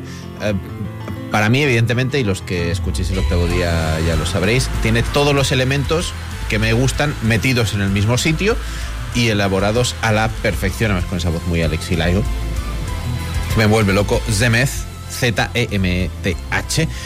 Pero además se da la curiosidad que nuestro queridísimo Junia Higuchi tiene por una parte este proyecto neoclásico de Zemeth con Roche Noir, Monochrome Blood, Nostalgism, Lowliness, todo súper elegante, camisa, corbata. Y luego el muchacho saca a relucir otra vena que también se da mucho en Japón, ¿por qué no decirlo? Eh, un poco más burrota, con Bloody Cum Shot, que tiene ahora mismo dos discos, Nymphomania, y en 2023 estrenándose con Chlamydia Rain. Em, no lo he escuchado, no lo he escuchado, pero desde luego toda esa elegancia que nos presenta con Zemeth se va por el retrete. Total. Con Bloody Cum Shot, eh, bueno. Yo acabo de añadir todo lo que he encontrado de Semet en CD Japan a mi próximo pedido. Tu próximo y- pedido, el avión va a venir solo O sea- con tu próximo pedido. Básicamente. o sea, espero la paga extra como agua de. Correcto. Correcto. Bestial, bestial lo de lo de Zemeth. Me encanta. Nos está diciendo Lester en Telegram, un violín siempre es bien. Siempre. siempre, Estamos siempre. de acuerdo. Es, bueno, siempre. Eh, Bueno, casi. Espero que hayas escuchado el Mayéutica de Robe y, y me, y me lo discutas. Sí. Pero eh, cosas serias, disco, Tony. disco que, eh, pese a Robe, o sea, cuando no hay voz, eh, musicalmente es bastante interesante. Lo malo es que hay voces y letras. Eh, pasamos a. Bueno, a joderos la noche, voy a decirlo claro eh, y rápido. ¿Por qué? Porque el mundo está cambiando. El mundo está cambiando y nosotros somos de una generación. Bueno, somos de generaciones diferentes, de hecho, los tres que estamos aquí. Y en el chat de Telegram tenemos a gente de generaciones muy diferentes. Y tú que nos estás escuchando por la radio, tanto en FM como a través de internet, seguramente tienes eh, tu manera de consumir música, ¿no? Yo crecí en una generación en la cual escuchabas una canción en la radio, te gustaba el single, eh, te ibas a buscar el disco. Más adelante llegamos a ese super nivel que, que fue lo que introdujo la Virgin o la FNAC en, en, eh, que era eso de poner los discos con auriculares, que tú podías ir a la tienda, ponerte los auriculares Sí, y escuchar señor. el disco. Pero bueno, todo esto ha ido evolucionando de una manera que, bueno, ahora todos tenemos en la palma de la mano un aparato que te permite tener acceso a todo, absolutamente todo. Menos el metal progresivo de los 90, que falta muchísimo catálogo. Señores de Spotify, pilas ahí a tope. Pero como digo, eh, ha cambiado muchísimo la forma de consumir música y sobre todo la gente más joven ha cambiado brutalmente. ¿Cómo consume música la gente más joven ahora? Evidentemente no por discos, sino por canciones. Ah, Por vídeos de TikTok. Y muchas veces ahora. ni siquiera canciones, 30 segundos en TikTok. Eso lo ha sabido aprovechar muy bien una persona que se llama Samuel Wellings, un señor australiano que era, era el vocalista de, de Jester Pose, banda de eh, hardcore o metalcore. Y que ha sabido aprovecharlo muy bien porque se grabó, eh, esto estamos hablando hace dos, tres años, eh, finales de 2020, eh, le dio por grabar Paparazzi de Lady Gaga, hacer una versión una versión core de, ese tema de Lady Gaga. ¿Y qué pasó? Que lo reventó fortísimo en TikTok. No solamente él, sino que habían cientos de miles de TikToks eh, utilizando, utilizando su canción.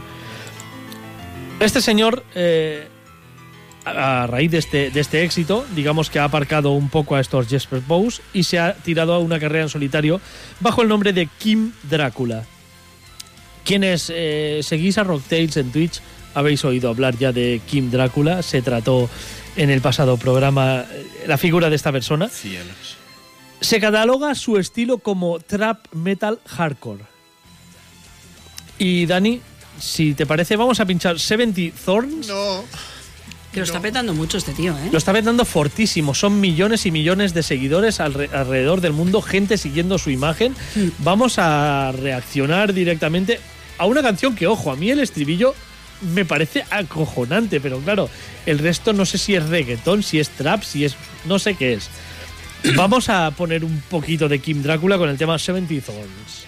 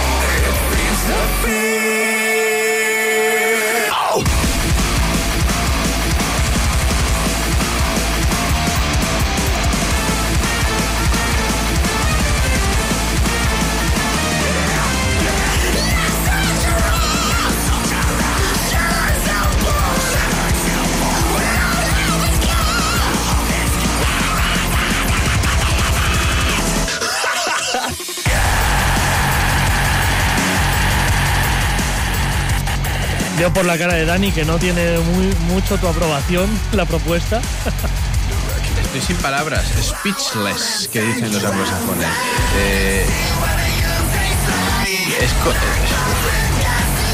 es como coger embutido ibérico, nocilla, pan, eh, anacardos. Kiwi. eh, y mezclarlo. No, no sé qué decir. Sé que no me gusta. Me siento incómodo, me siento sucio. Quiero marcharme. En cambio, Inma está bailando. Yo lo, est- ay, yo lo he disfrutado. A mí la parte eh, aguda, eh, con música trash de fondo, me recuerda a King Diamond y no me gusta. Sí. Pero cuando entra Jonathan Davis me encanta. Es que eso es muy Claro, es que está Jonathan Davis de Korn, además, en Mm. este tema, colaborando. O sea, eh, es muy bestial. Si tenéis ocasión de ver las pintas de este tío, son tendencia absoluta. Sí, sí. Eh, eso es cierto. una estética muy del Joker, del payaso asesino, ese tipo de horror Mm. y tal. Gente absolutamente eh, pillada por este tío y por, por sus pintas, por su propuesta musical y por todo. Y como digo, lo es el músico de metal, si se me permite catalogarlo en metal, que más lo está petando en TikTok, pero millones de seguidores por delante del segundo. No lo, no, no lo comprendo, o sea, mi mente cuarentona no lo comprende. No es porque sea cuarentona, simplemente no lo comprende, pero yo tengo más edad que tú y lo comprendo. ¿Sabes? No tiene que ver con la, con la edad. Yo tiene sí, que ver con para- que para mí tengas una manera de enfocar o de ver eh, la música, ¿no? Quiero decir. A ver, yo por ejemplo, yo me envían mucho, o sea, la gente como ve metal, pues me lo envía. Y entonces yo veo los vídeos de este señor porque la gente me dice, Claro. Ima, te va a molar. Pero la verdad que en general, bueno, no me suele gustar mucho, pero claro, este es que sale Jonathan Davis, ahí ya me ganó el corazón. Aquí sí, Ahí no ¿no? tengo. Hay mucha gente que se ha despedido del, del octavo día. No me extraña, para Sí. siempre incluso. ¿eh? Es, pro- es probable. Es un, probable. es un tipo que empezó haciendo versiones, eh, versión a Michael Jackson, versión a Lady Gaga y ahora pues eh, se dedica a hacer estos temas. Mm. A mí es un tema que, que, insisto, no es para nada lo que me gusta, pero eh, hay que enseñar por dónde van los tiros. Y los tiros ahora van por aquí, porque el heavy de instituto se perdió. Y lo más cercano que vais a encontrar ahora es alguien que te hace un baile en TikTok con una canción de este señor. Es triste Bueno. y lamentable. Va, va evolucionando. A ver, yo sé que no estabais presentes la semana pasada, pero en Ballet for My Valentine y en Me the Horizon había gente muy joven. ¿eh? Había sí, bueno, en esos estilos aún encuentras a gente bastante joven. O sea, ahí los puretas ya. Yo ya era, yo ya soy pureta. O sea, yo ya me puedo en- poner la etiqueta de Metal Mari Ya. En Ya, Jared. James Nichols ya te digo yo que no había gente joven. No creo, Por no ejemplo. creo, ese día no creo. Pero si le diese por venir a tocar a Kim Drácula, ya te digo yo que la media de edad era de 14 o 15 años seguramente. y mucho Los- padre acompañando. Sí, los chavales eh, eh, consumen de otra manera y consumen otro tipo de música. Y está bien de vez en cuando asomarse a la ventana a ver qué pasa ahí fuera. Mm. Estamos muy cómodos dentro del octavo día, pero mm, Yo he querido pisar un terreno que, que nos es ajeno, pero que, que está ahí y que al final eh, tienes que convivir con esto porque quieres ser competencia, no competencia, sino que aparecemos en TikTok, es decir, te mueves con los tiempos y los tiempos se mueven a este ritmo. Eh, nos adaptamos más o menos, pero hay que saber lo que hay ahí afuera y ahí afuera está Kim Drácula.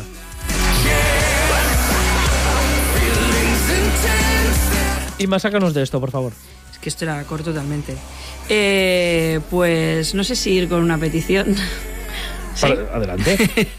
Eh, pues hemos tenido una petición en el programa eh, y es que se cumple el segundo aniversario de un disco de Evergrey que tuvo la, em, la no sé cómo decirlo, el gancho, eh, el hook de, enganchar a abrir un mundo nuevo a uno de mis caballeros de la luz que tengo en el chat, como es Enrique, ¿no? Eh, y solo por eso vale la pena. Tengo que decir también que yo me vicié a Evergrey por, también por el octavo día, o sea, no, no había escuchado o no escuchaba, no estaba en mi, em, en mi radar Evergrey y a base de, de, bueno, de ponerlo y de poner buenos temas de Evergrey, pues me acabé O sea, temas antiguos. ¿Eh? temas antiguos. Creo que, de hecho, nada, no, o sea, te mentiría si te dijera que me enganché con los antiguos, no es cierto. Em, porque recuerdo que lo pinchaba Jero. el esto, o sea que no era muy, muy antiguo. Pero bueno, eh, me ha parecido una, una buena petición el rescatar de este disco de Evergrey el In the Absence of Sun. Porque, bueno, la- fue un disco que sí que de- debatimos en el octavo día, que tenía sus más, sus menos. Bueno, a la gente que sois más del principio de Evergrey no gusta tanto, a la gente de la nueva era de Evergrey mm, gusta más. Lo decíamos con Manigans y creo que es aplicable a Evergrey. A mí me suenan muy planos en los últimos discos. Así Han como eran- encontrado como una fórmula que a Sí, ti no te conecta. correcto. Que a partir de mucha gente. King of Terrors, que Mm. es el tema con el que lo petan fortísimo, a mí ese tema me- no conecta conmigo, ciertamente. Ni a ti ni, ni a mucha gente, ¿eh? de hecho. O sea, que mucha gente que le gusta Evergrey del principio que me dice lo mismo. Ujú. Hostia, a mí King of Ferro no me gusta. Y digo, hostia, para mí es mítica, ¿no? Sí. Bueno, eh, la está ahí también está la gracia. Ellos juegan esa, esa baza también, ¿no? De saber que hay gente que sigue yendo, esperando que les, os den pildoritas, ¿no? Y alguna bueno, cae. sí, claro, te, claro, te tocan Recreation Day, te tocan A Touch of Blessing y ya te vas con la sonrisa final. Bueno, Sí. vale. Y de hecho, cuando estuvimos en el último de Evergrey ahí en, en la sala bóveda, eh, lo que os comentaba cuando hicimos la crónica, ¿no? Yo fuera, estuve fuera en un, un sitio de tomar té con pastas. Sí, Eh, Monóculo. Sí. Eh, y leer el New York Times. Eh, bueno, estaba ahí fuera y mucha gente me comentaba que estaba fuera eh, esperando a que a entrar para Evergrey cuando Tony estaba dándolo todo con los grupos de antes. Em, Fractal Universe y comentaban los últimos discos también, ¿no? O sea, que ha enganchado a mucha gente que a lo mejor no es el perfil típico que un grupo como los principios de Evergrey hubieran tirado, pues con este, esta fórmula Bueno, nueva gente, está funcionando para otra gente. Hablando de Proc Power, los principios son más de gente del Proc y, los, eh, y al final es más gente del Power, pero no el Power eh, entendido como Power Metal europeo, sino ese Proc Power seguramente más melódico y más, eh, bueno, más de enganche fácil y directo. Hmm. Y es el caso. eh, ¿no? Entiendo que, que, por ejemplo, la propuesta de Fractal Universe no encajase con los fans de la última época de Evergrey. Entiendo perfectamente. ¿no? Pero bueno, fue un caramelito.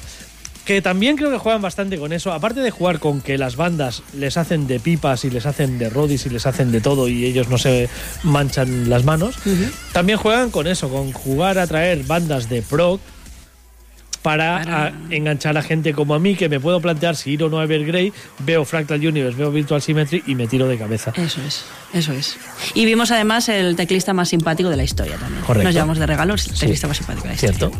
Así que nada, eh, pues ahí va esta dedicatoria, no solo para Enrique, sino para Jero también, que Enrique quería personalmente dedicársela a Jero, de este tema de Evergrey llamado In the Absence of Sun.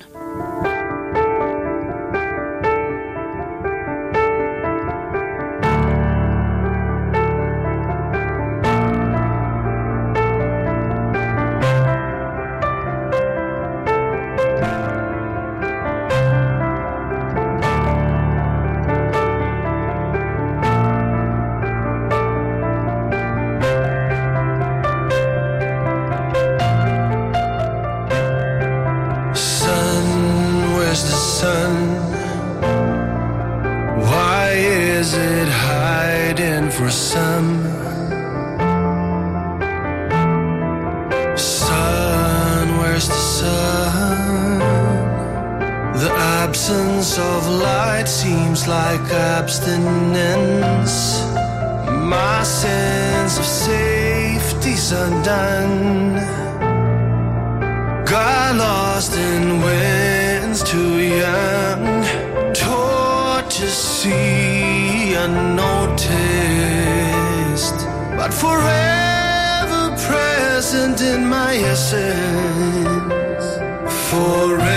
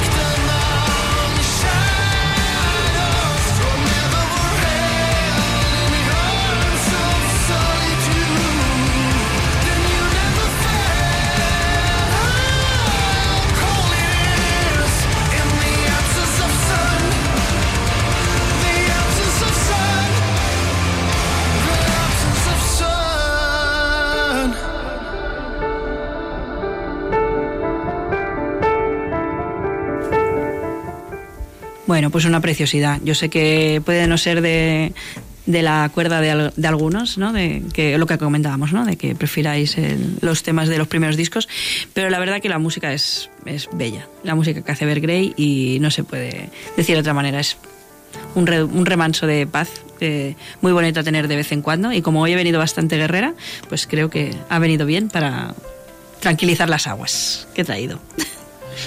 Pues un poquito sí, cuando estamos encarando la recta final del octavo día. Y ya que dice Irma que ha venido guerrera, yo me voy a guerrear un poquito con una banda de puro speed thrash metal true. ¿Pero metal. trasmatólogo o a nivel de trasmatólogo o no? Eh, No tanto.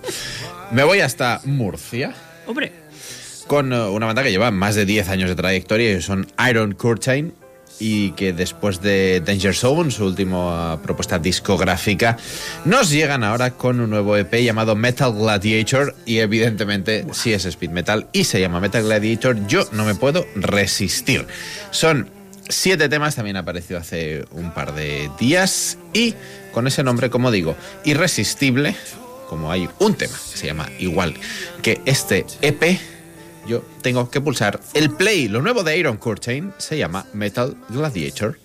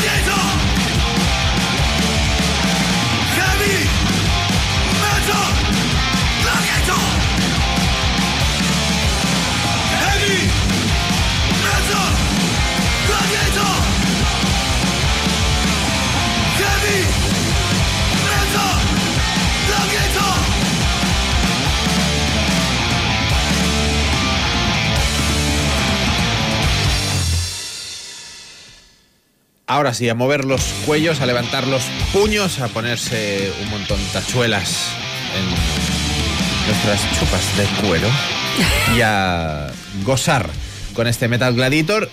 Siete temas, todos directos, rápidos, justo en el centro del metal. Me ha encantado esta propuesta de Iron Curtain. No los conocía y voy a empezar a tirar hacia atrás.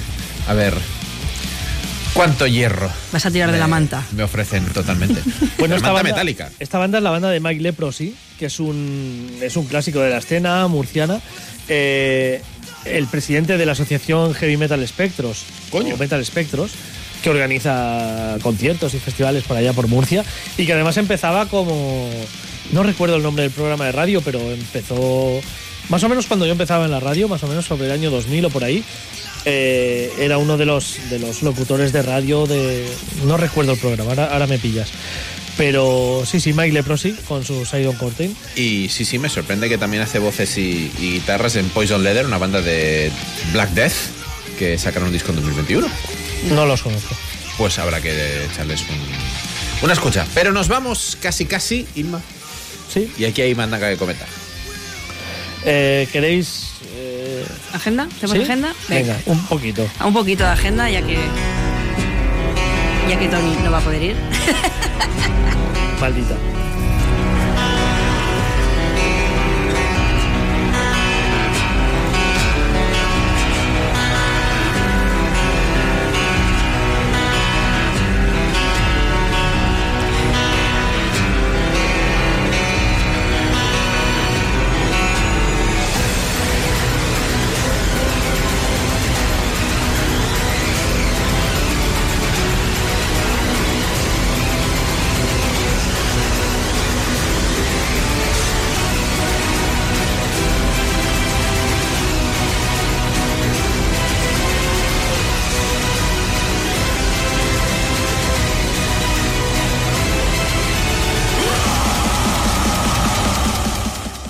Vamos a iniciar la agenda de conciertos con el mes que se acerca, que es el mes de marzo ya, hasta el día, el jueves que viene, jueves 2 de marzo, tenemos a Death Keepers con Mike Becerra en la Sala Bóveda. El sábado, por otra parte, tenemos ya solapesolapes.com. Eh, eh, por un lado tenemos a Will Win y Irtan Gaz en la sala Lennon's Club del Hospitalet. Y por otro lado tenemos a Ravenblood y Morgon en la sala bóveda. Y por tercera parte tenemos a Blackberry Smoke, que es donde me vais a ver a mí si venís. Venga, seguimos con la semana siguiente. El miércoles 8 de marzo tenemos a Haken, Between the Barret and Me y Cryptodira en la sala Salamandra del Hospitalet. ¿Dónde me veréis a mí? Ah, muy bien. Fichar, tocar, a- eh, ir a Tony a saludar a Tony. El, el jueves 9 de marzo tenemos otro solape, Wormod, Pound y Cafre en la Sowi del Hospitalet. Y Sylvain y ELR en la Sala Bóveda en Barcelona. El, esto que es el viernes 10 de marzo tenemos a Blood Hunter, Archetype X y Pugna Sinistra en la Sala Bóveda. Ese me duele, ¿eh? Porque es en viernes. Es en viernes. ah, pero no puedes ir tampoco Claro. en viernes. Me caché, no sé. Bueno, igual busco un cambio de última hora. Pues nos vamos a la semana siguiente. Martes 14 de marzo eh, tenemos a Lamb of God, Creator y Municipal Waste en la sala Razmataz. Saltamos al jueves y este es un concierto que a que Seña no va a ir, por supuesto, en acto de protesta, porque tenemos a Devin Townsend en la sala Rasmatas. Y también el jueves, que no creo que sea solape esto, porque no sé si la gente que va a ver a Devin Townsend iría a este otro, tenemos a Arc, Arc Spire, Psychroptic, Es solape, es solape. Benicted y Enteos en la sala Bóveda.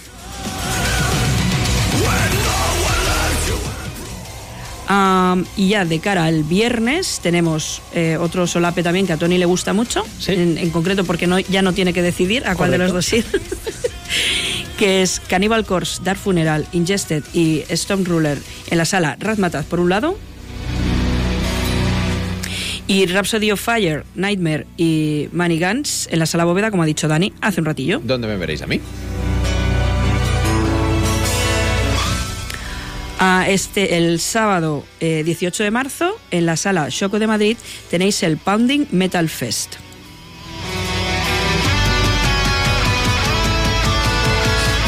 Y el sábado también eh, podéis ver a Igor, a Menra, Der Weg Einer Freihet. Yo creo que es- esto Xenia lo pronuncia mejor, ¿eh? Sí. Der Weg Einer Freihet. Y podéis ver a Xenia, podéis ver a Jero y toda esa gentuza que, que, que, que va cosas de, este rollo. de este. Eh, el sábado 18 de marzo en la sala Apolo. Espérate que ahora ya no veo dónde me he quedado. Es igual, cerramos ya porque Sí, ya hemos dado ya hemos mucha dado cosa. Cerramos con el martes puede ir. 21 de marzo, Roger Waters en el Palau Sant Jordi. eh, de cabeza. Oh, mamá. Faltaba más. Muy bien. Pues nada, yo ya me despido, os dejo con aquí los dos jefazos y seguimos hablando las próximas semanas. Si no, se me echa del programa. Muchas gracias, Inma, y nos vemos en abril. Yo eh, habréis notado que os ponía cosas rollo Kim Drácula para que no me echéis de menos, porque voy a estar sin venir aquí durante unas semanas. Y así seguro que no me echáis de menos, porque cuando pensáis en mí, pensad en Kim Drácula y se, y se os pasa la morriña. Muy bien.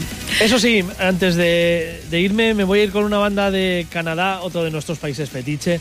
Hemos, eh, hemos estado en Grecia, en Suecia, todos esos países que, que nos colman de, de grandes lanzamientos. Nos vamos, como digo, hasta Calgary, en Canadá, para escuchar el adelanto de lo que va a ser el nuevo trabajo de Red Cane, una banda que hablan de groove progressive metal. Oh. Bueno, es una propuesta más que interesante. Además, la banda tiene unas pintas que me encantan. Ah, son todos canadienses, pero el cantante es de origen ruso, la, la bajista es de origen, eh, diría, chino. eh, aunque aún a riesgo de que fuera coreana y la esté. Pero yo creo que chino, sí. Eh, Nae Bliss se va a llamar el disco que sale el próximo 28 de abril y este es el primer adelanto que se llama We Are Chaos. Esto es Red Cane desde Calgary, Canadá.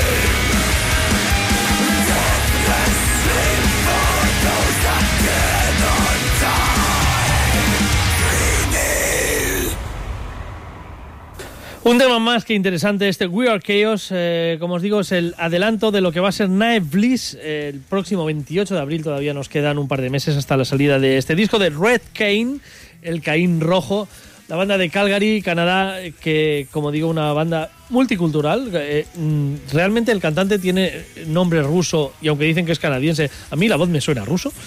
Hombre, Yevgeny Zayarny. eh, Pero es que tiene esa voz rusa muy peculiar. Eh, en definitiva, Red Kane, una banda muy interesante eh, y que os recomiendo encarecidamente. La volveremos a traer aquí. Muy, muy bien. eh, y bueno, pues con esto acabó mi aportación al octavo día. Lo iba a dejar en, en Kim Drácula, pero he pensado, no, no, no. arréglalo un poquito Esto mejor. Arreglarlo un poquito y ya, ya volveremos con las pilas cargadas dentro de varias semanas. Ahora os, eh, por mi parte, os dejo en manos de Xenia, de Dani, de Inma y de Alfonso.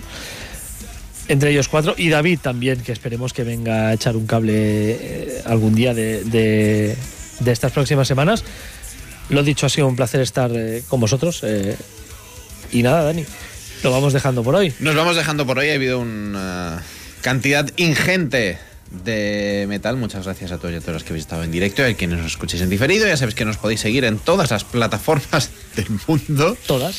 En Instagram, en Twitter, en TikTok. Estamos en Spotify, en eh, iTunes, en iVoox. Y eso toda la semana en nuestro grupo de Telegram al que os podéis unir. Nosotros nos escucharemos el domingo que viene con mucho más metal. Pedimos disculpas a la gente que está en el grupo de Telegram y no ha podido estar por el grupo de Telegram porque probablemente entre ahora y vea 200 mensajes nuevos.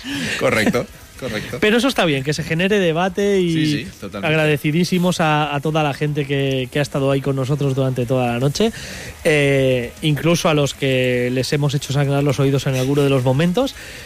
Pero bueno, también nos hemos dado caramelitos, o sea que mm, ha estado variado. En Telegram ya dice que te echarán de menos, Tony. Gracias. Seguiré Pero dando- volverá, en, por te- favor, en que nadie Telegram seguiré dando por unas saco. semanas, pero... Claro, en Telegram seguiré dando por saco, por eso no, no sufráis. Lo dicho, hasta aquí el octavo día de hoy, último octavo día de febrero. Esta semana tendréis vídeo con los destacados del mes de febrero en YouTube. Así que eh, con ello nos vamos, con Conspiracy o que van a estar ahí segurísimo. Con, bueno, ya, ya nos conocéis de qué pie cojeamos, así que eh, en un par de días tenéis ese, ese vídeo con lo mejor de febrero, el podcast que también subiremos esta misma semana con los 10 temas que destacamos. Y en definitiva, que estamos en contacto, seguimos en contacto, esto no se para, esto no se mueve, esto no va de semana en semana, esto es diario, por horas, por minutos casi, conectados siempre con el octavo día. Muchas gracias por estar ahí, un saludo y buenas noches. Adiós. Lord of the morning,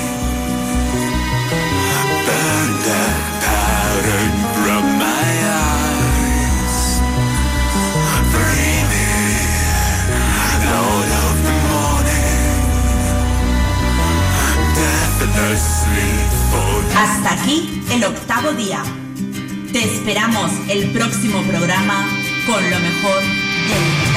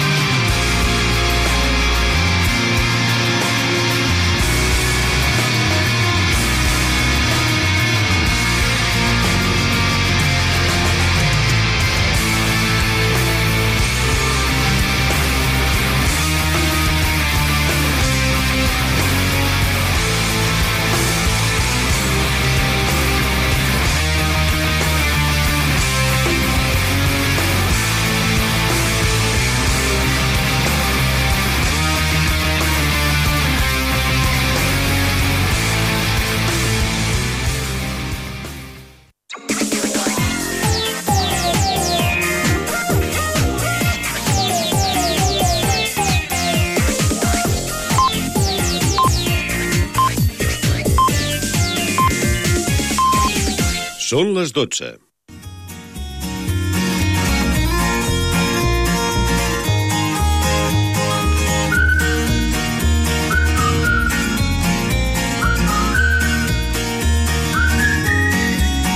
Molt bona nit. Ara comença a Ràdio